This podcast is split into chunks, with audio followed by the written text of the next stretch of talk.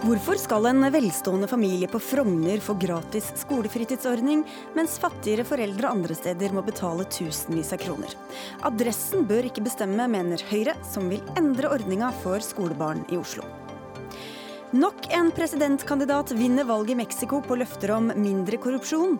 Andrés Manuel López Obrador er personen som skal få det voldsherjede landet ut av uføre. Men ekspertene har liten tro på at folket får valuta for stemmeseddelen. Unge Høyre sa ja til aktiv dødshjelp, men innenfor klare rammer. Hvilke rammer snakker de om, spør lege, som mener dette er uklokt og særdeles dårlig gjennomtenkt. Og regjeringa vil redde biene, men den nye strategien deres for å gjøre nettopp det er uten ambisjoner og tiltak, mener miljøorganisasjonen Sabima.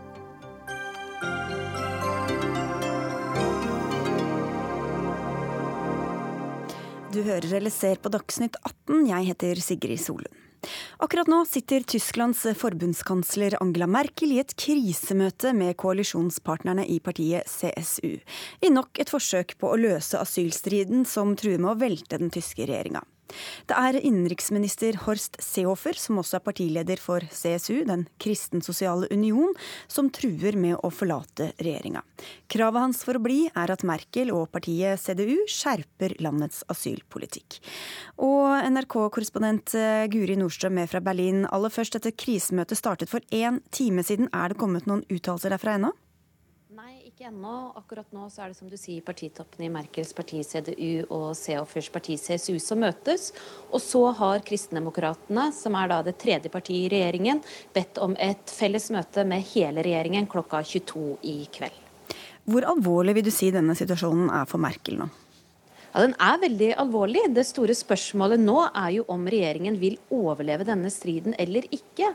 Akkurat nå så er det uvisst, og det pekes eh, bl.a. på to muligheter her. Den ene er at regjeringen bryter sammen fordi man ikke blir enige. Det vil altså si at CSU går ut av regjeringen, slik at man mister flertallet. Da må Sosialdemokratene og Kristendemokratene som er igjen, enten finne en ny regjeringspartner for å få en flertallsregjering, eller så kan det bli nyvalg. En annen mulighet er at eh, innenriksministeren går av, men at eh, regjeringen består. I så fall så må da partiet hans klare å bli enige med Merkel i asylspørsmålet. Og nå i ettermiddag så har det kommet mer forsonende toner fra CSU som parti. Delstatslederen for partiet i Bayern, Markus Søder, sier de er innstilt på å få i stand kompromiss her. Han fortalte også at eh, partiet ble veldig overraskede da Seehofer i natt fortalte at han truet med å trekke seg, og at de ba ham om å tenke gjennom saken en gang til. Men Hva slags krav, konkrete krav er det han har kommet med til Merkel? Ja, eh, Seehofer ønsker å kunne stanse asylsøkerne som allerede er registrert i andre EU-land på den tyske grensa, og sende dem tilbake til de landene de har registrert seg i. Merkel mener Tyskland ikke kan ta slike grep alene, og at de må ha EU i ryggen. Så det er altså en tradisjonell sololøper, Seehofer, som da møter en tradisjonell lagspiller, Merkel, her. Og det er ikke første gang at disse to har ulike løsninger på utfordringer. Og så husker jeg at Det var et EU-toppmøte som vi diskuterte flere dager her i Dagsnytt 18 også i, forrige uke. og Da kom det en slags asylavtale. Hvorfor, hvorfor holder ikke det for innenriksministeren i Tyskland?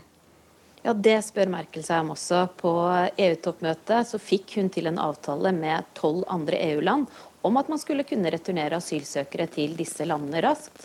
Merkel mener hun da har gjort leksa si, som hun fikk av Seehofer før dette møtet. Men Seehofer sier han uansett ønsker en mye strengere tysk grensekontroll. Og en av årsakene til at han er så ivrig i tjenesten akkurat nå, det er nok at det skal være delstatsvalg i Bayern i oktober i år. CSU har stort sett hatt makta i Bayern siden andre verdenskrig, men nå har de mistet mange stemmer til innvandringskritiske alternativ for Tyskland. Og derfor er det viktig for dem å markere seg seg i dette spørsmålet. En ting er jo det innenrikspolitiske her eh, i Tyskland, men hva slags følger kan en regjeringskrise få for andre land i Europa og for EU? Ja, Det vil jo da bety, hvis det, når det er en regjeringskrise her i Tyskland, også når regjeringen er så handlingslammet som den blir av disse stadige gjenkommende eh, krisene, så blir jo de handlingslammet. Og Tyskland er jo tradisjonelt vært det sterkeste landet i EU. De som har hatt hånda på rattet og hatt uh, føringen. Så lenge de må styre med masse innenrikspolitisk tull, så står det også reformer stille innad i EU. Takk, Guri Nordstrøm. Du følger denne saken for NRK utover kvelden, hvor du kan følge med på radio, TV og nett for å vite hvordan møtet går.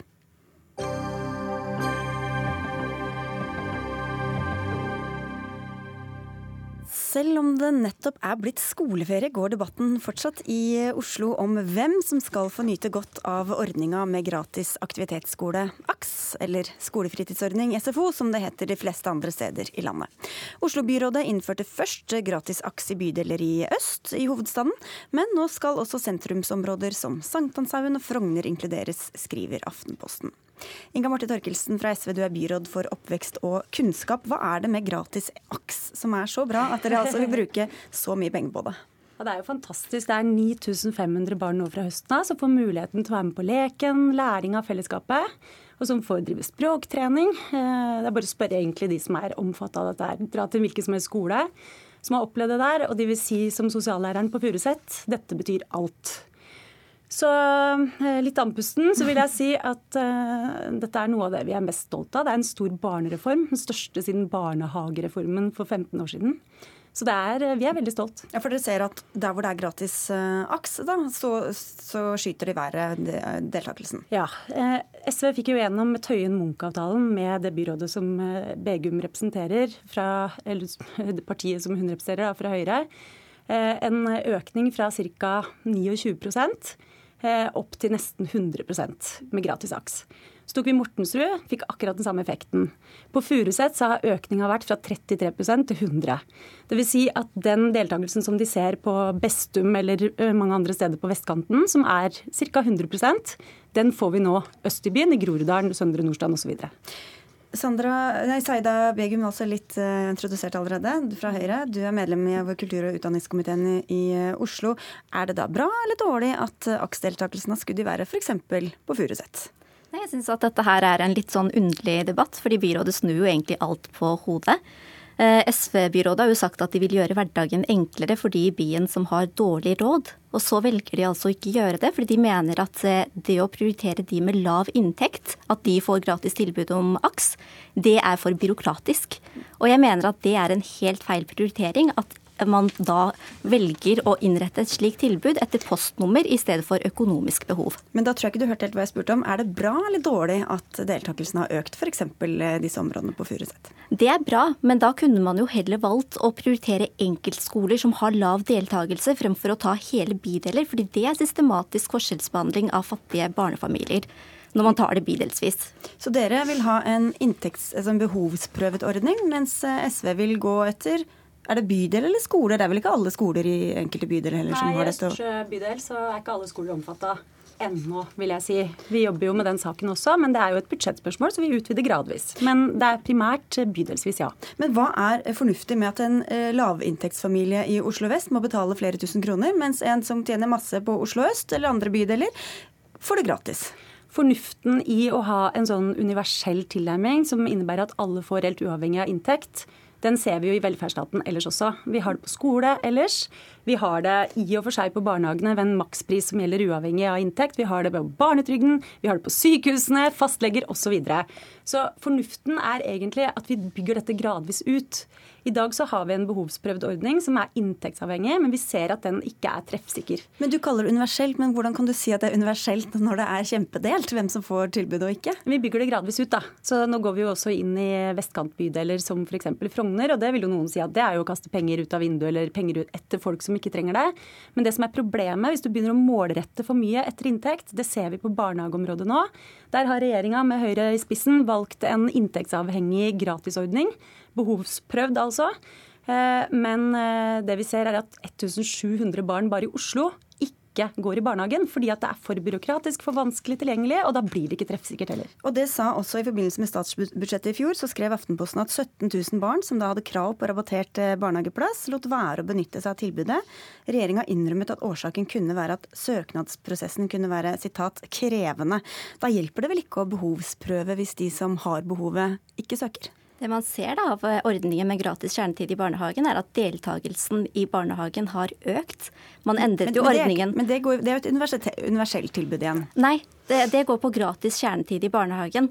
Fordi man har endret i 2015, og så ser man en økning blant barn eh, med flerkulturell bakgrunn som benytter seg av barnehage i Oslo. I Oslo så er det 18 eh, av barna som kommer fra flerkulturelle familier som ikke benytter seg av barnehage i dag. Og det at man behovsprøvde gjorde jo også at man kunne utvide tilbudet til flere aldersgrupper.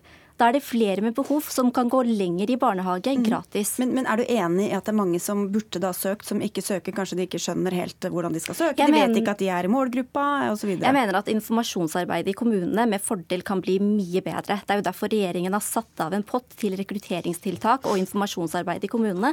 Og der har Oslo en eh, vei å gå. Og dette her ble jo innført i 2015. Da var det SV-byråden som satt med makten. Så informasjonsarbeidet så er, er det jo SV-byrådet som må ta ansvaret for. Ja, og det gjør vi også. Men eh, nå er jo ikke dette en diskusjon om barnehager. Men vi har jo sett at i, i Groruddalen så var det jo gratis eh, for alle. Så ble det inntektsavhengig, og det gjorde at eh, vi fikk et stort problem å nå fram til en del. Men det som jeg ikke kan forstå når det gjelder aktivitetsskolen, som vi diskuterer, det er jo at Høyre argumenterer som om de har et alternativ som er sosialt. Fordi at Det Høyre står for, er jo den samme linja som de hadde fram til vi overtok makta i 2015. Det var å fortsette med en ordning som er basert på inntekt, men hvor ingen fikk gratis aktivitetsskole. Og Her sitter jeg med Høyres budsjett, det kjenner du, sa Ida Begum. Eh, her står det minus 129 millioner kroner. Det er den summen det koster å gi 9500 barn gratis aktivitetsskole fra denne høsten. 129 millioner. Med et pennestrøk blir det fjerna. Hvorfor vil du prioritere skattelette til folk som har mer enn nok ofte fra før, framfor å investere i barns oppvekstvilkår. I stedet altså, for å gi gratis aks til de som har mer enn nok fra altså før? Der SV-byrådet velger å kaste penger etter de med millioninntekt, for 23% av de som fikk tilbud om gratis aks første året dere innførte det, hadde jo faktisk en inntekt på over en million. Så velger vi å heller prioritere skolebudsjettet, hvor dere har gjort store kutt. Men, men du sier jo at dere vil ha en behovsprøving. Hvor, my, hvor, mye, hvor mye, penger har dere eh, satt av da, i budsjettene til, til å gi til de som har behov for for gratis når vi har, Når vi satt i byråd, så innførte vi noe som heter sosiale satser, som er behovsprøvd etter inntekt. Og da er det slik at man betaler mindre hvis man tjener mindre. Og så har vi spurt dette byrådet her om hva det vil koste å utvide den ordningen. Det har vi ikke fått svar på enda, fordi det må vi ha svar på hvis vi skal sette av penger til å gjøre den ordningen mer sosialt Dere har ikke noen klar plan for å gi behovsprøvd gratis aktivitetsskole? Vi har to alternativer. Det ene er at enten så kjører man gratis eh, halvdagsplass i AKS etter samme modell som gratis kjernetid i barnehagen at hvis man tjener under en viss sum, så får man gratis halvdagsplass. Det mener vi er mye mer sosialt og rettferdig. Men, Andre alternativet det er å ha mer behovsprøvde satser, slik at eh, den ordningen som man har i dag, at man får justere på inntektsgrensen og gjør betalingssatsen lavere. Jeg kjenner jeg reagerer veldig sterkt på det. fordi eh, Vi må jo måles på de alternative budsjettene vi legger fram. Og det, ikke, det, står ikke ett ord, heller ikke i teksten her, om at dere vil satse på det. Tvert imot så står det at aktivitetsskolen for dere er en fri, skolefritidsordning. Eh, altså ikke en, eh, en arena for læring, for språktrening, for lek og fellesskap. Det er noe som foreldrene kan betale sjøl, står det her svart på hvitt. Og jeg tror ikke det at dere var bevisstløse i gjerningsøyeblikket. Det, det, det, står her, unnskyld meg, for 2018. Står, står, det i dette budsjettet her at Høyre ikke vil ha innhold og språksatsing i AKS-tilbudet? I så fall så er det helt feil. Det står Oslo Høyre mener at AKS skal fortsette å være et foreldrefinansiert tilbud i likhet med andre ja, fritidsaktiviteter. Det, det, betyr jo ikke at det ikke skal være noe faglig innhold der. Det står at det skal ikke være Aktivitetsskolen eh, skal ikke være en heldagsskole. Det er ikke lengden på skoledagen som avgjør hvor mye elevene lærer er, men individuelle Nei, men det betyr, ikke, det betyr ikke at det ikke skal være et faglig tilbud. Det Oslo Høyre mener derfor at man heller må jobbe for å løse de utfordringene vi allerede vet at Oslo-skolen har, fremfor å utvide tiden barna er på skolen. Nå må, det, nå, nå må vi videre her. Ja, og det du leste opp nå var ikke i samsvar med påstanden din. For det med kvalitetskrav er det Høyre som innførte. Ja, en, av gangen her. Uh, Torkelsen, det er jo sånn at velferdsstaten er helt avhengig av, avhengig av at folk føler at det er rettferdig, og at skatten de betaler går til gode formål. Hvor rettferdig tror du det føles for en som tjener mindre, uh, å betale flere tusen kroner i måneden til et tilbud som de ser at eh, en, en kilometer lenger unna får det gratis akkurat det samme tilbudet? Nei, jeg, tror, jeg tror ikke de syns det er rettferdig. Jeg tror ikke de syns det var rettferdig før heller, hvor det slo inn en full pris på nesten 3000 kroner hvis du hadde en samla inntekt på 280 000 kroner. Men forhold deg til det dere har gjennomført. Du ja, ja, sier det er ikke rettferdig. Det. Ja, det, er ikke, det føles ikke rettferdig. Veldig stolt av det, fordi at uh, vi bygger det gradvis ut. Og det betyr at uh, alternativet var jo at vi fortsatte som i dag. men det er ikke så lenge ungene går på den aktivitetsskolen, så det er jo to-tre-fire år hvor det føles veldig det. urettferdig, da, og det, det blir veldig jo... mange tusen kroner ut. Ja, men du vet at en reform det tar jo litt tid å innføre. Og jeg må si at jeg er veldig stolt av å representere et parti som da har gått inn for at vi skal ha en sånn stor barnereform, og et byråd som da velger å prioritere de store pengene på de små barna. Det syns jeg er helt riktig prioritering. Og at folk ønsker dette over flere deler av byen, syns jeg er fantastisk. Nå er de aller fleste bydelene omfattet av gratisordningen. Alle omfattes av kvalitetshevinga som vi gjør gjennom språkkrav, krav til kompetanse osv. Det er kjempebra, og vi bygger det videre ut. Men at det er urettferdig, det er du enig i? Jeg er enig i at det kan kjennes sånn når du betaler skatt og ikke får muligheten til å få en gratisordning, men alternativet hadde også vært at du ikke hadde fått det. Fordi alternativet ville vært et høyrebyråd som ikke har prioritert én krone til aktivitetsskolen. Hvis man ser på barnefamilier i Nordstrand, Vestre Aker, Nordre Aker, så er ikke de omfattet av dette tilbudet her. På Grefsen skole så sa FAU-leder at de har mottaksklasser som har behov for dette her. De har enslige forsørgere, og de har lavinntektsfamilier som ikke får dette tilbudet her. Hva vil du gjøre for dem, da? Hva vil du jeg gjøre for dem? jeg vil jo ha en rettferdig ordning som ikke forskjellsbehandler. Hva er den rettferdige ordninga? Det ligger ikke én krone i budsjettet. Det er 129 millioner kroner i kutt. Men hvorfor, okay, valgte, hvorfor, valgte, dere da å gå for enkelte bydeler fremfor å starte med inntekt, slik at de som har dårlig råd, faktisk får tilbudet Forklar først? Det fort, ja, jeg vil gjerne forklare det. Det er jo samme grunn som vi styrker velferdsstaten basert på universelle tilnærminger ellers. Hvis du har en behovsprøvd målretta ordning mot de som trenger minst, så blir den sjelden målretta. Du treffer ikke alle, som vi så i barnehagene, hvor 1700 barn ikke går i barnehagen. Det blir byråkratisk, og det blir en fattigdomsfelle hvor kvinner ikke er i jobb fordi du ikke lønner seg er byråkratisk å prioritere okay, de med lav inntekt? ja, men Begum, jeg skal si det. Altså, det er jo På Høyres landsmøte i fjor så tok daværende stortingsrepresentant og tidligere byråd i Oslo Kristin Vinje til orde for å fjerne barnetrygden for å kunne innføre gratis barnehage og gratis SFO, altså AKS. da. Hva var det hun ikke skjønte? Det fikk jo ikke gjennomslag. fordi det vi i stedet gikk inn for, var å behovsprøve barnetrygden, slik at man heller kunne prioritere de barnefamiliene som har et reelt behov. fordi det man ser er at når man skattefinansierer ordninger som barnehage og SFO, på en universell måte, så gir man også et gode til de som uansett hadde benyttet seg av det. De pengene kan man bruke mye smartere ved å prioritere de Men, med et reelt behov. Og så er argumentet mot det bl.a. at det blir veldig byråkratisk, noe Høyre også bruker uh, og en fattigdomsfelle. I, i, i det er et regnestykke jeg ikke har sett, for vi har jo gjort det på barnehage med gratis kjernetid, og det har fungert. Nei, vet du hva? Eh, Aftenposten gjorde faktisk et regnestykke basert på Venstre sitt budsjettforslag, og det er omtrent i samme leia. Det var med barnetrygd, barnehage og aktivitetsskole, altså at det skulle være behovsprøvd.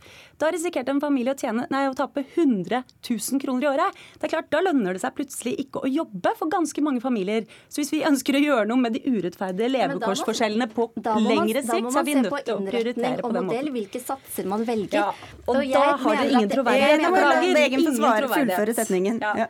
Mener du virkelig at det er rettferdig at familier med over en million i inntekt på Søringa får gratis aks, mens en enslig mor på Nordstrand, som ikke får ende til å møtes, blir sviktet av SV? Nei, vet du hva. Når vi nå har klart å bringe uh, Unnskyld at jeg ble litt uh, intens her nå. Men når vi da har klart å bringe deltakelsen i aktivitetsskolen f.eks. på Furuset opp fra 33% til 100, altså på samme nivå som de har det på Bestum på vestkanten i Oslo så er det plutselig usosialt. Jeg forstår rett og slett ikke Men den argumentasjonen. Ikke og jeg finner meg ikke i at et parti som ikke har lagt inn én krone for å gjøre noe med den sosiale profilen, men tvert imot vist gjennom 18 år at man heller øker forskjellen mellom folk, okay. at det skal få kritikk derfra. Helt, helt på tampen, det, altså, selv, selv hvis alle blir inkludert i ordninga, og, og da blir det en ekstremt dyr ordning, så kan man jo spørre hvorfor skattebetalerne, alle skattebetalere skal betale for noe som de aller fleste foreldre har god råd til ja, sjøl, å betale for sine egne barn. Så får du da masse penger igjen, da. Hvis du da har lagt inn penger f.eks. i eiendomsskatt. Eh, la oss si du bor i en leilighet til 8 millioner på Frogner, så har du spart inn den i løpet av ca. tre måneder med gratis aktivitetsskole. I skolebudsjettet, hvis dere har såpass okay. god råd, så putter dere okay, Så Begum, hvis, hvis, hvis Høyre vinner ved neste valg, da blir det slutt på gratis aks? Da skal vi ha en ordning som er mer rettferdig, som er behovsprøvd etter inntekt. Null troverdighet. Og da skal du få gå og feire bursdagen din, Inga Marte ja, Thorkildsen. Gratulerer med den. Og takk skal dere ha begge to. Og Takk også til deg, Saida Begum, som altså representerer Høyre i Oslo.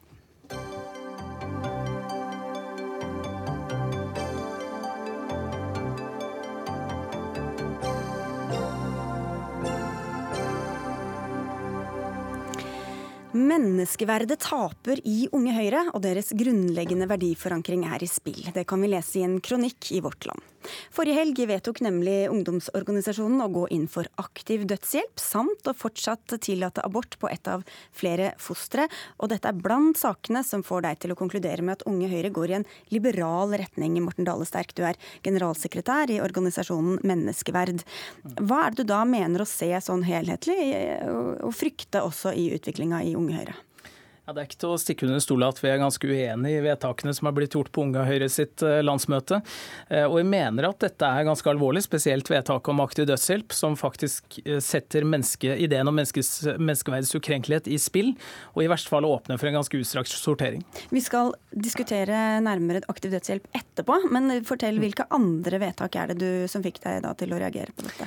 Ja, Det er jo spesielt to vedtak.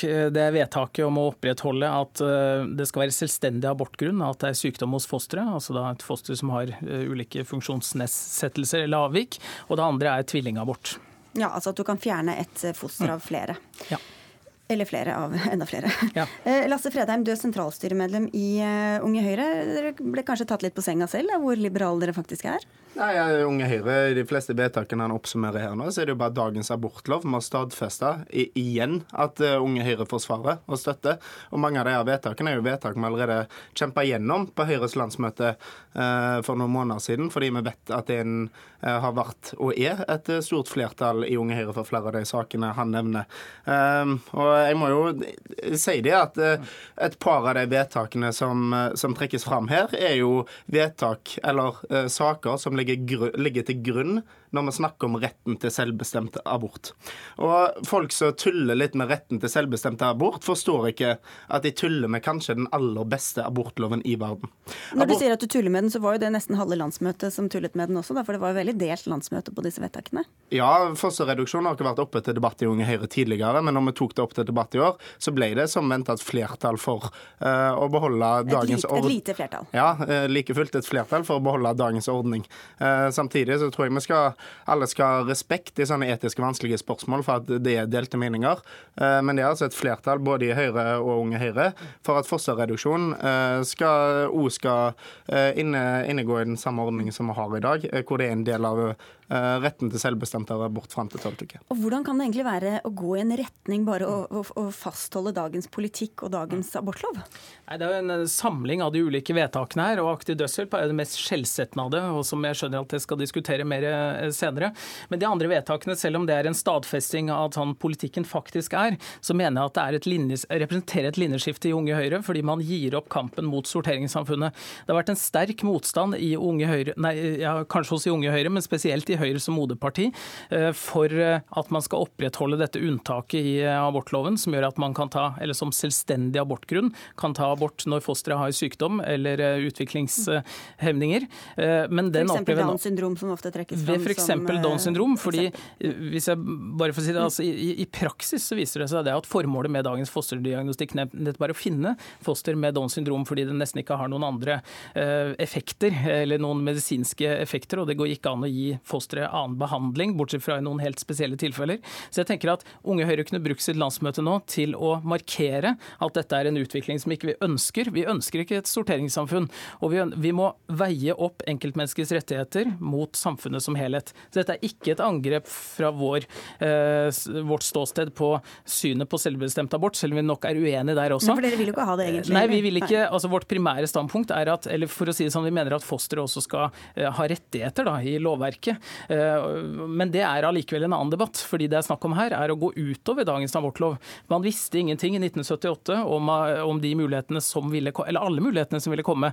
Man kunne f.eks. ikke redusere antall foster, eh, sånn som man kan i dag. Så det som er virkeligheten, er, er, at nettopp samfunnet og de teknologiske endringene har sprunget ifra etikken og Høyre sin politikk. Ja, det, det er, jeg må si at jeg er sterkt uenig i det. og Hvis vi skal se litt overordna på det, så syns jeg at du skriver et innlegg i dag i Vårt Land hvor du skriver om at menneskeverdet tapte på Unge Høyres landsmøte. Og du skriver at fordi vi får selvbestemt abort fram til eh, tolvte eh, uke, fordi vi forsvarer kvinnens rett til å bestemme over egen kropp, så gjør det at menneskeverdet taper. Eh, og det premisset det mener jeg at det går det nesten ikke an å være eh, enig i. Jeg mener at menneskeverd handler om å ta vare på kvinner som befinner seg i en sårbar situasjon. Og du, du trekker fram fosterreduksjon som et tilfelle. Som du påpeker, det var ikke teknologisk mulig i 1978. Nå er det mulig. Og hvis vi skulle legge til grunn at kvinnen har selvbestemt rett til abort fram til tolvte uke, så innebærer også det fosterreduksjon. Og jeg tror alle har et, jeg tror alle, både Unge Høyre og, og din organisasjon, kan være enige om at det må være et mål om at aborttallene skal gå ned. Og jeg tror at, jeg tror at med, med, med, dine løsninger så er jeg sikker på at aborttallene hadde gått skrekkelig mye opp. Du er f.eks. organisasjonen deres Jo, men jeg må bare ta det. For da ville man tatt, kanskje abortert alle fostrene? Du ville kanskje abortert alle fostrene. Da er det veldig få som gjør dette, da, så, så veldig mye opp vil jo kanskje nei, men, ikke gått. Nei, men vet i tillegg, kan ta det òg, at eh, at hans organisasjon eh, er f.eks. mot bruken av angrepiller, som er et av de beste ja. tiltakene vi har for å redusere aborttallene. Det er faktisk ikke riktig, så det vet jeg ikke helt hvor du har fra. Men jeg mener at dette er en avsporing av debatten, fordi tvillingabort faktisk uh, representerer for det første uh, en åpning for en ekstrem sortering, fordi man aksepterer at antall skal være en egenskap som er en selvstendig egenskap ved uh, svangerskapet. Nei, man aksepterer at abort er en selvstendig grunn til altså... Men dette er altså etter grensen for selvbestemt abort. Så dette her dreier seg ikke om selvbestemt abort i det hele tatt. Det dreier seg om at man utvider abortloven uten å ha det til politisk debatt i Stortinget. Og jeg tenker at når man ikke engang snakker om abortloven, man snakker om en praksis som åpner opp for en bred sortering, ja, da må man det, ta debatten. De har vært inne og fra er det Helsetilsynet som har sagt at dette faktisk er en del av abortloven. Det er sånn de leser det. Men jeg må bare si det, for vi hadde den diskusjonen nå nylig for noen dager siden, rett i forkant av Unge Høyres mm. eh, landsmøte. Men Fredheim, da er det jo sånn, som det er nevnt, både dette med å, uh, selvstendig abortgrunn med f.eks. Eh, Downs syndrom-indikasjon, mm. og dette med, med fosterredaksjon. Uh, det har jo vært sterk motstand, ikke minst mot det første, også i moderpartiet tidligere. Så du må være enig i at her vant den liberale fløyen i Unge Høyre? Den liberale fløyen vant i 2013, når, unge, når Høyre tok det inn i sitt partiprogram. I Høyre, og nå også ja. hos dere. Ja, og, og, nå tok vi det opp til debatt, og mm. da vant den liberale fløyen. Så hvordan kan du unngå å se alt dette i sammenheng og si at her går det liberale? Jeg er uenig i at det er en endring. Det kan godt være at det er en stadfesting av at Unge Høyre er liberale, og at vi står på dagens abortlov. Det kan jeg gjerne gå om på. Men jeg vil ikke gå om på premisset om at Unge Høyre har endra seg. Det er senest bare et par måneder siden vi kjempa gjennom liberale vedtak eh, på Høyres landsmøte eh, når det kommer opp til bioteknologi. Og i flere år så har vi stilt oss bak dette. Det, det, det har ikke vært noen markant eh, skifte i Unge Høyre, men jeg kan godt gå om på at Unge Høyre har stadfesta at vi er liberale i synet på abort. Her er, her er, jo både Høyre og Unge Høyre delt ganske sånn på midten i mange av disse vanskelige bioteknologisakene. Ja. Så å si at det går veldig den ene eller andre retningen, det er vel litt vilkårlig kanskje også hvem som ja. vinner de forskjellige kampene nå, fra gang til gang? Nå har vi jo debattert mest de spørsmålene som går på starten av livet, og, og tvillingabort og uh, abort på foster som har Downs syndrom eller ulike utviklingshemninger. Uh, og jeg, jeg, jeg, er skuffet over at ikke Høyre to, Unge Høyre tok et klarere standpunkt mot, men det som er det virkelig skjellsettende vedtaket her, det er jo vedtaket om aktiv dødshjelp. Som skal komme til nå veldig snart. Som virkelig setter eh, menneskeverdet i spill. Men bare for et, et, siste spørsmål om dette med hvilken vei det blåser. For da vi hadde denne, som jeg nevnte, en intern eh, Unge Høyre-diskusjon også mellom to tillitsvalgte der, eh, om fosterreduksjon, så hadde vi også med en fødselslege som fryktet at Unge Høyre, og også Høyre, gikk i en konservativ retning. Altså Hun fryktet at dette var tegn på at abortloven sto i, i fare, for å si det sånn. Også med friskt i minne denne debatten om reservasjonsretten. Så her er det jo ganske ulike tolkninger på hvilken vei vinden blåser for Høyre og Unge Høyres del? da? Ja, men det, det, er litt viktig for meg å minne om at uh, selv om jeg representerer en organisasjon som har et klart standpunkt i forhold til flere av disse sakene, så midt på 90-tallet så var det jo Kristin Clemet, Kristin Aase fra KrF og Kristin Halvorsen som dro i gang den nye abortdebatten. Og det var nettopp fordi man så at de bioteknologiske endringene skjer raskere enn det den politiske debatten og den etiske debatten klarer å henge med på. Og jeg mener det at etter alle disse årene så må vi minne om det på nytt. Uh, at her står vi over så enormt store endringer i eh, hva skal jeg si, de mulighetene som ligger foran. Ja. Så vi må ta denne debatten. Du, du, frykter ikke, for å si det sånn, sitat, at, eller i hermetegn, at, at Unge Høyre beveger seg i en konservativ retning, og at Høyre gjør det samme? Nei, jeg frykter ikke at uh, Unge Høyre gjør det, men jeg mener ja, men, jeg, men det, er jo, det, er jo, ingen radikale endringer. Abortloven i Norge er et kompromiss mellom de som syns at abort er veldig bra, og de som ikke syns at abort er bra. Og vi har funnet et kompromiss som gjør at kvinnen har full selvbestemmelse fram til uke tolv. Og det er en av de mest vellykka abortlovene i Norge. Unge Høyre stadfester denne helga I, I, verden, beklager. Unge Høyre stadfester denne helga at vi ønsker å beholde denne abortloven. Du, Nå vet jeg at du helt sikkert har lyst til å være med på den eh, neste debatten, Morten Dale Sterk eh, fra Menneskeverd, men vi skal si tusen takk til deg og slippe inn en annen debattant. Takk For nå skal det altså som annonsert handle om aktiv dødshjelp, som altså sikkert overraskende for mange unge Høyre gikk inn for. Men først, eh, Lasse Fredheim, hva er det dere egentlig vedtok? Nei, jeg, jeg, Først og fremst må jeg bare si det at aktiv dødshjelp er en veldig vanskelig sak. og Det var en stor debatt på Unge Høyres landsmøte hvor det var en dissent som vant gjennom om å tillate aktiv dødshjelp. Og Det var et knapt flertall som gikk inn for det. Eh, og det å tillate aktiv dødshjelp i Norge, men med særlige grunner. Eh, og Det var en seier Unge Høyre, men ikke minst så var det en seier for de som er nødt til å ta stilling til om de skal reise til Sveits eller Nederland fordi praksisen ikke tilbys i Norge. Men hva er vedtaket? Hva er det innenfor visse rammer og med visse kriterier? Hva er det dere sier for noe? Nei, eh, Jeg må jo si det at jeg syns det hadde vært særs merkelig om Høyres landsmøte skulle tatt så uh, detaljerte og skarpe uh, avgrensninger i en landsmøtesal. Det mener jeg skulle vært overlegene og de som er fagkyndige på området å ta. Men vi gikk inn for at vi skal tillate aktiv dødshjelp hvor det er særlige grunner. Hvis jeg skal få tenke litt høyt, så er det nødt til å være store aldersbegrensninger. Det er nødt til å være uhelbredelige fysiske sykdommer. Og vi ser, Det er jo eksempler fra andre land hvor det kanskje er liberalisert i større grad enn det jeg tror vi ville innført i Norge. Morten Horn, overlege i nevrologi, og du underviser også i etikk ved livets slutt ved Universitetet i Oslo. Du sier dette er uklokt og lite gjennomtenkt. Hvorfor er det så uklokt å la døende mennesker eller syke mennesker få bestemme over om de vil leve eller dø? Nei, Det er veldig klokt å la døende mennesker og syke mennesker få bestemme så mye som mulig over sitt eget liv. Men dette å gi dem denne muligheten til um, å velge aktiv dødshjelp, når vi vet hvor, hvor utrolig kraftig press disse menneskene lever under, det syns jeg er uklokt. Jeg syns dette er et veldig dårlig gjennomtenkt forslag, eh, vedtak, som reiser veldig mange vanskelige spørsmål som jeg ikke skjønner hvordan Unge Høyre har tenkt å svare på. Og Det går først og fremst på det som vi allerede har vært inne på, dette med hvordan skal dette egentlig avgrenses, hvis det nå er sant, det skal avgrenses innenfor noen klare rammer. Hvilke rammer er det de snakker om? Hvem skal lage disse kriteriene som aktivitet skal håndheves innenfor? Og hvem skal håndtere dette regelverket? Da peker man typisk på min yrkesgruppe, legene. Eh, og hvordan har staten tenkt å overholde og, og, at, og, sikre at disse reglene blir overholdt, og kontrollere at de ikke blir misbrukt. Og Dette er spørsmål som da svarer typisk ungdomspartiene, Unge Høyre, Unge Venstre, FPU og sånn, at jo, dette skal utredes. Men hva er det egentlig man har tenkt å utrede? Hvordan kan man utrede spørsmålet om et menneske som opplever at livet ikke er verdt å leve, skal, eh, skal bli lyttet til når man sier det? Hvilke kriterier har man tenkt å gi meg? Nå kommer du med alder, du kommer med sykdom. og spør hvem er du i Unge Høyre, hvem er jeg eh, som lege på, i norsk sykehus som skal overprøve en pasient som sier at mitt liv ikke er verdt å leve? Jo, du skal få lov, men du skal ikke få lov. Hvordan har du tenkt deg at sånt, et sånt regelverk skal kunne overholdes i praksis? Da må jeg få svare på det. Ja. Nei, jeg, jeg, Som sagt så var dette et eh, prinsipielt standpunkt som ble tatt. Vi har tatt et standpunkt hvor vi ikke ønsker å lukke øynene for de som trenger hjelp og reise til utlandet, men at vi ønsker å hjelpe dem. Og jeg var inne på noen avgrensninger, um, men det er jo dette altså Eh, dette skal være unntaket eh, for de som trenger den hjelpen. Det kan være hvorfor, skal, hvorfor, er det et unntak?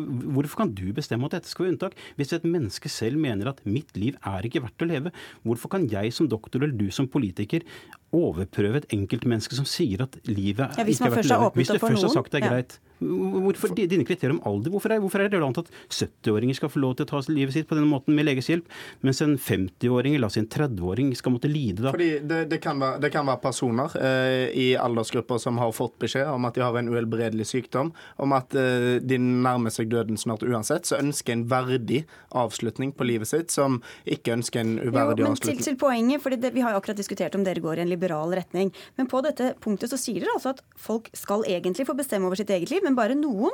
Noen andre skal da få bestemme om du skal få bestemme over ditt liv. Hvor liberalt er det? Ja, Det må jo ligge noen, det må jo, som på alle lovverk, ligge noen premisser og noen regler til grunn. Eh, og Det er nødt til å være avgrensninger for at det ikke skal åpnes totalt. og Det, det må vi være åpen for å innføre. Men jeg syns det blir feil eh, av Unge Høyres landsmøte. Hvorfor skal noen få bestemme og andre ikke få bestemme, når du, sier, du, du kaller det en verdig avslutning? Hvorfor skal du si at du kan få en verdig avslutning, du måtte få en uverdig avslutning? Fordi at det er ikke, Hvis du ikke har en uhelbredelig sykdom, f.eks., så er det ikke nødvendigvis sant at det er lagt opp til at du skal få en uverdig avslutning. Men hvis, har, hvis, det blir pekt på at eh, Eller hvis du, hvis du uansett vet at eh, du møter døden snart, så, kan, så sier vi at da, skal du få, uh, få, en verdig avslutning. Du skal få en planlagt avslutning uh, med de nærmeste rundt deg, hvor du kan få muligheten til å avslutte ditt, uh, livet ditt ved hjelp.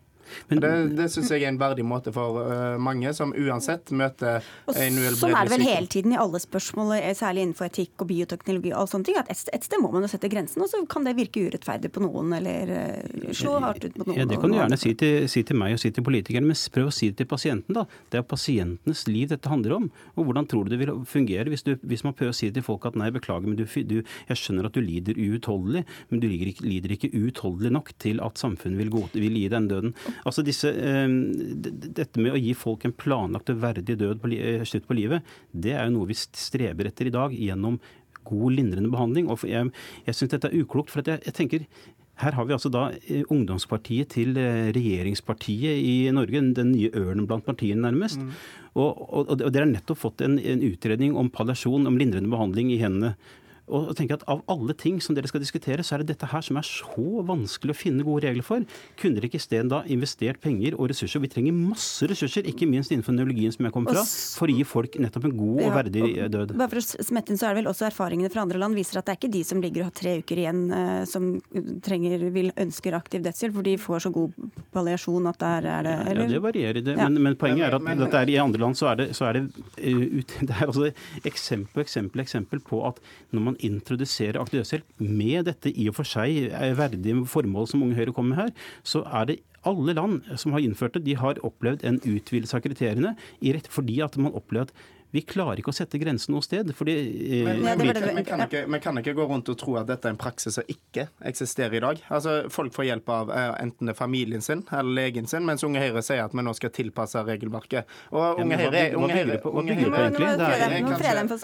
er kanskje tidlig ute blant ungdomspartiene og partiene, men vi ser at uh, blant folket så har vi en ganske stor støtte. 76 av befolkningen sier at de vil støtte aktiv dødshjelp. Så avfeier dette som uh, noe radikalt noe som folk ikke ønsker. Det syns jeg, jeg, blir helt feil. Og jeg syns òg det blir, uh, blir, feil å, mm, mene at det er Unge Høyres landsmøtesal som skal sitte og definere uh, alle reglene. Og Men dere skriver jo, hvis man søker på Unge Høyre og aktiv dødshjelp, så kommer det opp en prinsipiell uttalelse på deres egne sider om at aktiv dødshjelp er en fallitterklæring i møte med syke og døende. Men programleder, jeg tror vi er nødt til å legge til grunn det, det siste vedtaket. Og nå hadde vi landsmøte forrige helg, og jeg tror vi skal ha litt respekt for at alt ikke er like oppdatert. Uh, men det, det, er en veld, det er en veldig vanskelig sak, og det Unge Høyre er ganske delt i saken. Men da sier dere at men, dere vil ikke sette grensene, det overlater dere til en eller annen uten at dere bestemmer hvem det er? Til de som er fagkyndige på feltet, bl.a. sånn som Morten Horn. Det syns jeg er veldig fornuftig. Men han vil ikke ha det ansvaret. Men, altså, men det eneste, eneste i denne uh, saken jeg ikke har sympati for, er de som er skråsikre i sin sak,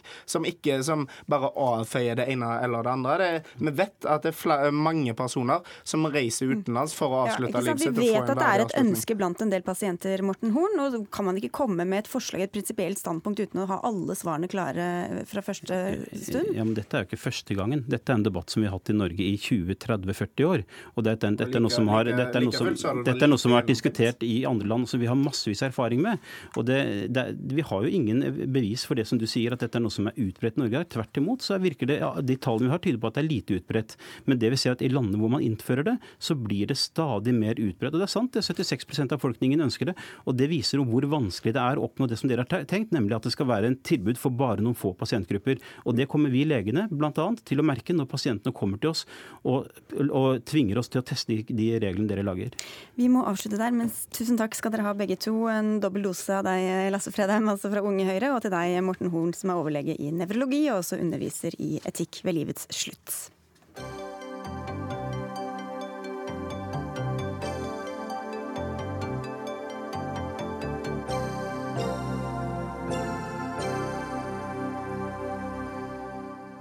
I flere år har vi nå hørt om biene og humlene som må reddes for at vi egentlig skal kunne overleve på denne kloden. Og nå på fredag lanserte regjeringa en nasjonal strategi for nettopp å redde villbiene. I planen står det bl.a. at de skal sikre levedyktige bestander av villbier og andre pollinerende insekt. Likevel er du kritisk til strategien, Christian Still. Du er generalsekretær i miljøorganisasjonen Sabima. Hva er det som ikke er bra nok? Vi syns strategien er for diffus, for ullen. Altså, vi er selvfølgelig enig i det overordna målet om at vi skal redde pollinatorene, men strategien sier ikke nok om hvordan det skal skje. Den sier at vi skal utrede, og vi skal lage ytterligere handlingsplaner, og vi skal eh, finne ut av mer, og vi skal gi styringssignaler. Men, men strategien blir altfor ullen eh, på nøyaktig og konkret hvordan dette skal skje. Mm. Den sier litt om, om, hvilke mål de forskjellige delene av samfunnet skal sette seg. Eh, og, og, vi får ikke noen nye aktive og konkrete tiltak som, som, kan snu de veldig alvorlige trendene som vi ser for pollinatorene. Ja, For at dette er eh, helt essensielt for livet på kloden, er dere vel enige om, eh, Ola Elvestuen, klima- og miljøminister? Ja, Vi må ivareta ja, villbier, humler og alle pollinatorer. Ja. Men, men, hva er det da dere egentlig forplikter dere til gjennom denne strategien? Nei, Dette er jo nettopp det. Det er en strategi. Eh, og Da sier den noe om retningen for hvor vi skal gå. Det ene er at du må ha styrke for kunnskapen, det, det er viktig. Og så må vi sikre leveområder, og så må vi formidle dette. Og Så skal jo denne følges opp. Den skal følges opp av en tiltaksplan. Der det er laget en mye mer detaljert faggrunnlag enn det som står i strategien. og Den har også Sabima fått ha innspill på. og Det skal selvfølgelig jobbes videre jobbes videre med Miljødirektoratet. Og så gjør vi jo det vi allerede er i gang med. Eh, når det er utvalgte kulturlandskap, når det er, når det er prioriterte naturlandskap. Så det er mange områder hvor det i dag også gjøres tiltak som eh, også har en betydning for eh, bier og humler og andre ja. pollinerende insekter. Så, så dette er målene, tiltakene ligger andre steder i stil? Jo, men altså nå har regjeringen holdt på i to år med å lage denne strategien. Og da hadde vi forventa at man hadde klart å avklare mer konkret hva som skal gjøres. F.eks. så vet vi at vi må gjøre noe med landbrukspolitikken vår. Når Elvestuen sier at vi skal gjøre mer av det vi allerede gjør, så gjør vi jo ting som ikke har vært tilstrekkelig. Fordi insektene er altså på full fart nedover. Vi vet at en tredjedel av biene våre står på rødlista. Eh, og mange andre insekter er også trua og er i ferd med å, å forsvinne, eller i hvert fall reduseres kraftig. Antallet bare blir noen anekdoter noen steder i, i naturen vår. Ja. Eh, og, og, og, Når man da ikke gjør noe konkret med landbrukspolitikken, når det er ulne formuleringer i denne strategien Det samme gjelder f.eks. å få eh, blandinger av frø som Vegvesenet kan bruke eh, for å revegetere veikanter. Det har de visst i mange år at vi trenger. Og så sier denne strategien at nå skal vi utrede om vi kan få lage Men det som, er veldig bra, det som er veldig bra, er jo da at du har åtte departementer som står bak, også Samferdselsdepartementet, som selvfølgelig ikke skal sitte og vente på en tiltaksplan for å begynne med arbeidet som er innenfor deres ansvarsområde. De må gjøre det på sitt ansvarsområde, akkurat som Forsvaret har på sitt ansvarsområde. Og så er det jo sånn de siste fire-fem årene så er akkurat som de fleste trua artene de er i skogen. Vi har økt skogvernet betraktelig, og vi har økt også alle de andre budsjettmidlene inn mot uh, kulturlandskapet og annet som jeg snakket om. Og landbruket. Og se på landbruksoppgjøret også i år, så er det en vesentlig styrking av det som er økologisk landbruk. Vi gjør det lettere å gå over fra konvensjonelt til økologisk eh, landbruk. Så det er mange områder hvor det også gjøres tiltak. Ja, det skogvernet, da har vi satt oss mål. Altså Vi skal et sted. Vi sier ikke bare at vi skal gjøre litt mer, og så får vi se hvordan dette skal gå. I, i høst så sa din forgjenger eh, Vidar Helgesen, eh, som var statsråd fra Høyre, han sa at dette med de pollinerende insektene dreier seg om et sikkerhetsspørsmål, sa han i spørretimen på Stortinget. Og det er ganske alvorlig. Da snakker vi altså om livsgrunnlaget vårt, om ja. matsikkerheten vår, og dette er vi enige om, det vet jeg. Eh, og da på en måte forventer man La oss si at man hadde hatt en eller annen trussel mot Norge, altså at noen skulle invadere oss, eller en eller annen sikkerhets, sikkerhetsrisiko av den typen. Så hadde ikke regjeringen kommet med en strategi som sa at ja, vi skal fortsette å pusse geværene våre, Heimevernet skal ta armhevninger og, og sånn. Da hadde det på en måte kommet konkret og nå skal vi ha så og så mange nye stridsvogner og jagerfly og divisjoner og bataljoner osv. Det hadde på en måte vært responsen. Ikke at man brukte to år på å utrede, og så skal vi jammen utrede i to år til før vi får disse tingene på bordet. Ja, men det, ja, men det, er, det, er, det jeg sier, at du skal, du skal, handle fra dag én, akkurat som jeg har gjort. Jeg tror vi har, jeg vet ikke, Bare med kulturlandskap har vi tredobla budsjettene de siste fire årene. Men Hvordan har det slått ut da? Hvordan er utviklinga på biefronten? Derfor trenger du mer kunnskap. For det kan ikke jeg gi de gode svarene på. Men det er ingen tvil om at hvis du ser på ja, og ser du på, og det er jo også det som er grunnlaget, det er selvfølgelig de rødlisteartene som vi har, som gjør også at vi må handle for, Men for å, ivareta. Du sitter jo i regjering og det er mange motstridende interesser. Hvilke dilemmaer kan dere møte f.eks. fra ditt departement i møte med Landbruksdepartementet eller andre departementer dette, på dette punktet? Nå er, har vi jo nettopp lagt fram en strategi sammen med Landbruksdepartementet og Er det ingen seks motstridende andre interesser? I, I dette dokumentet så har vi en enighet om hvordan vi skal gå Men i videre. og det er når det kommer til- når det kommer er til saken? Det, det står eh, på en måte veldig ulne ting her. Nei, Så det er klart at, at Jon Georg Dale, eh, landbruksminister, og Ketil Solvik-Olsen, samferdselsminister, de forplikter seg til å gjøre det som de allerede gjør. Og, Det er men ut fra din Nei, erfaring, hvor, hvor er det du mener, hvor er det du mener at Et øyeblikk, Ola Elvestuen. Hvor er det du mener at, dette, når, når, at andre interesser vinner over over Jeg til interessene vi ser det i denne strategien, mener jeg. At, at måtte, Kjetil Solvik-Olsen vil helst bygge mer veier. Og så vil han prioritere i mindre grad å passe godt på veikantene, som, som kan være et fantastisk viktig område med masse blomster. Nå tror jeg ikke du skal forhåndsdømme de som har skrevet under på denne avtalen. Jeg tror du skal måle det på det vi faktisk gjør. Mm. Og jeg er helt sikker på at dette skal følges opp, og det skal følges opp innenfor de ulike sektorene. Det er ett av virkemidlene. er at de som har, For dette handler om leveområder.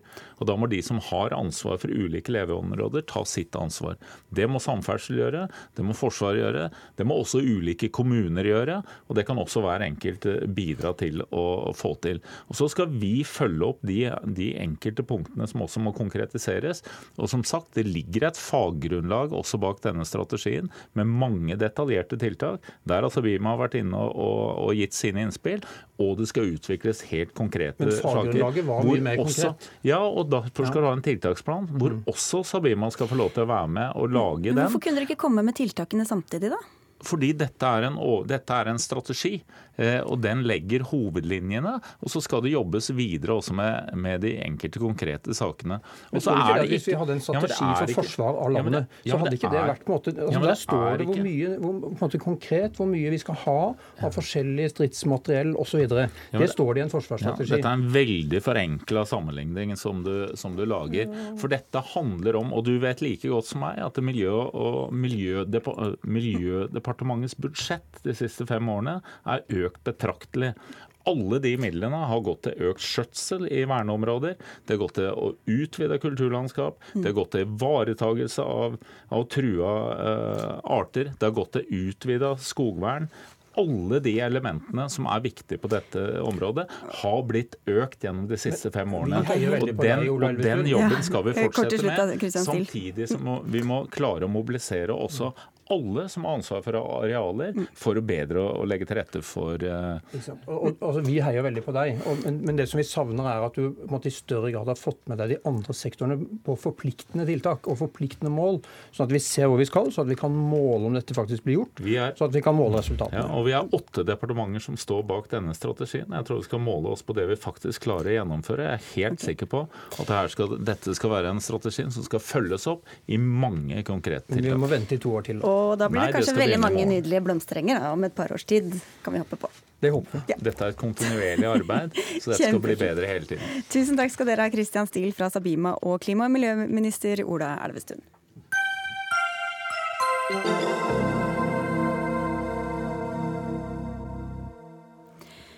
Narkotikaen flommer, korrupsjonen vokser og fattigdommen øker. Men Andrés Manuel López Obrador lovte å få Mexico på rett spor, og i dag ble det klart han vant presidentvalget med 53% av stemmene.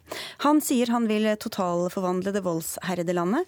Obrador leder venstrepartiet Morena og stilte som presidentkandidat også i 2006 og 2012, men lyktes ikke med å få makt da. Jeg har akkurat fått en beskjed om at Mexico har slått Eh, er slått ut av VM, ja. Uff da. Så det var en dårlig nyhet der også, da, av Brasil.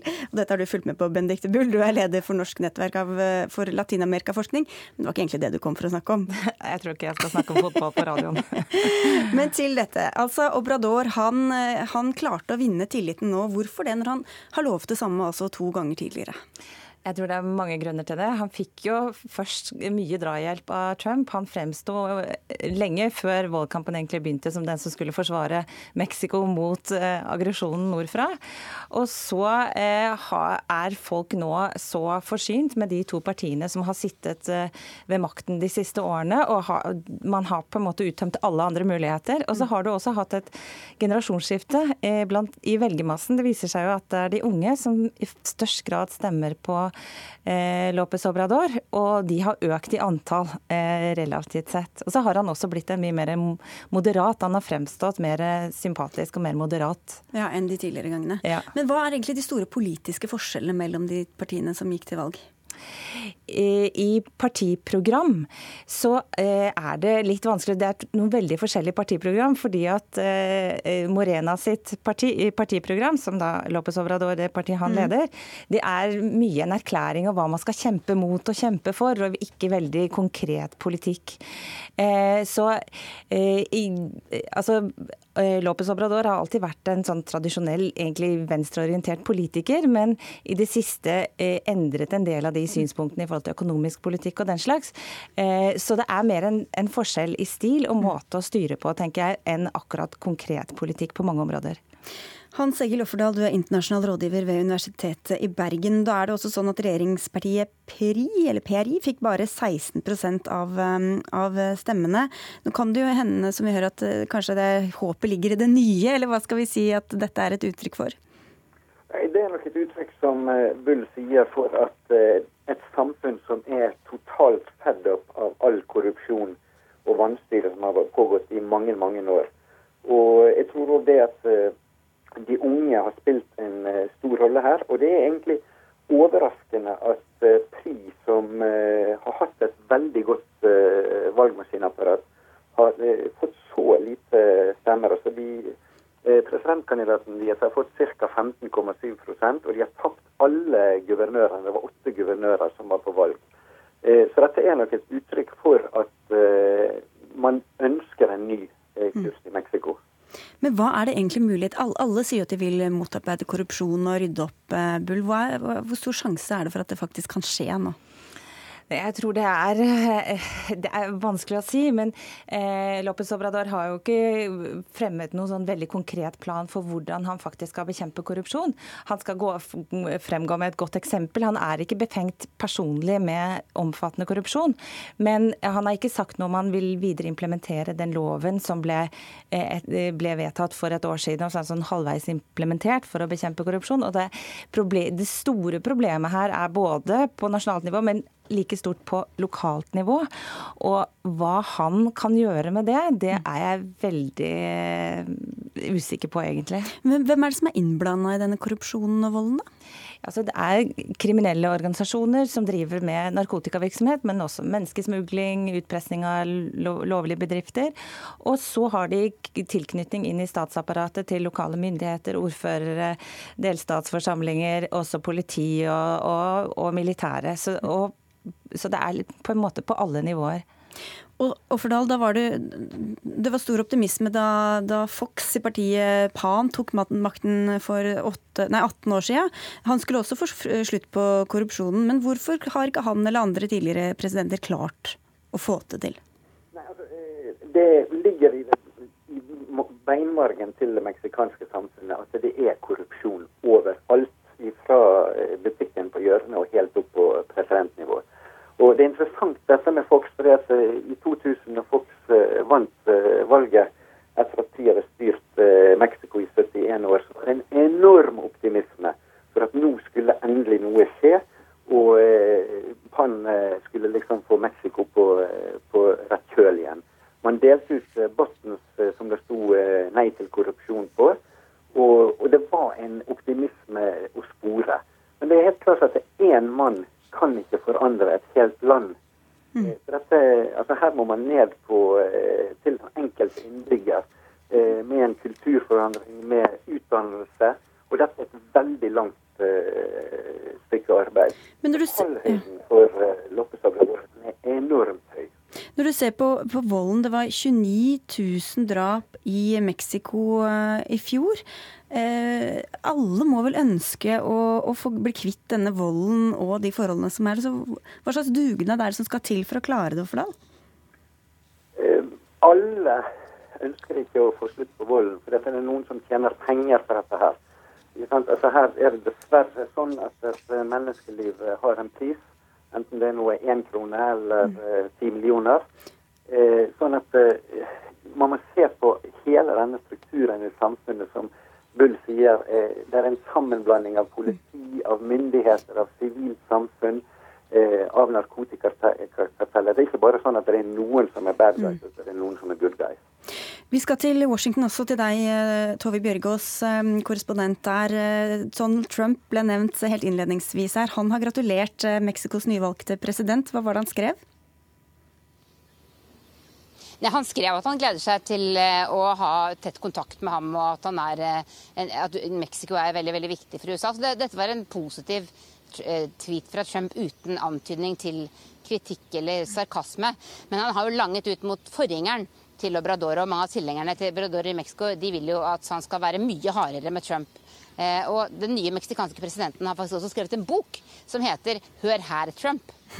som handler om hvordan han mener at forholdet til USA bør endre seg. Ja, Men han har jo i valgkampen sagt at han ønsker et respektfullt forhold til, til president Trump. Et forhold basert på likeverd. Tror du det kommer til å skje? Ja, Det er akkurat det som ikke har vært i det siste. fordi eh, Pena Nieto har jo blitt eh, latterliggjort av Trump og kritisert om og om igjen. Eh, angrepet. og Det mener mange i Mexico at, eh, at, han burde ha tatt hardere til motmæle mot. Nå tror jeg du vil få presidenter på begge sidene av eh, Rio Grande som er mye mer eh, frittalende, ikke er redd for en fight, og som kanskje også da kan ha en lettere tone. Men det er jo store utfordringer i forholdet mellom disse to landene nå. Ja, for da er det jo særlig to saker. Det er denne grensemuren, altså muren mot Mexico, som Trump har sagt at han vil bygge, og så er det en handelsfeide på gang. Hva er det grunn til å tro at kommer til å skje på disse områdene? Ja, akkurat nede på grensen nå så er det jo eh, fortsatt da, alle disse barna. De er jo stort sett ikke fra Mexico, men jo, de kommer jo gjennom Mexico for å komme inn i USA. Så, eh, og Trump har gjentatte ganger sagt at Mexico skal betale for muren ved at han skal skattlegge meksikanske produkter. Mexico har ledd av det. Eh, men denne, altså, hvordan man skal håndtere immigrasjonen og hva som skal skje på meksikansk side, det vil selvfølgelig fortsatt være en utfordring. USA har jo tidligere også gitt penger til leire sør i Mexico for å stanse migranter fra Mellom-Amerika før de kommer helt opp til grensen. Når det gjelder handel, så er det jo disse dager at ting skjer.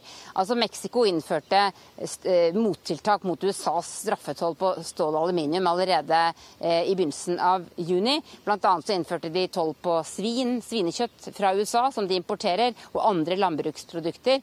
Eh, og i, nå har Trump sagt i helga at han ønsker ikke ikke nødvendigvis å videreføre, videreføre NAFTA, altså frihandelsavtalen med Mexico og Canada, men vil heller ha en egen avtale med hvert av disse to landene.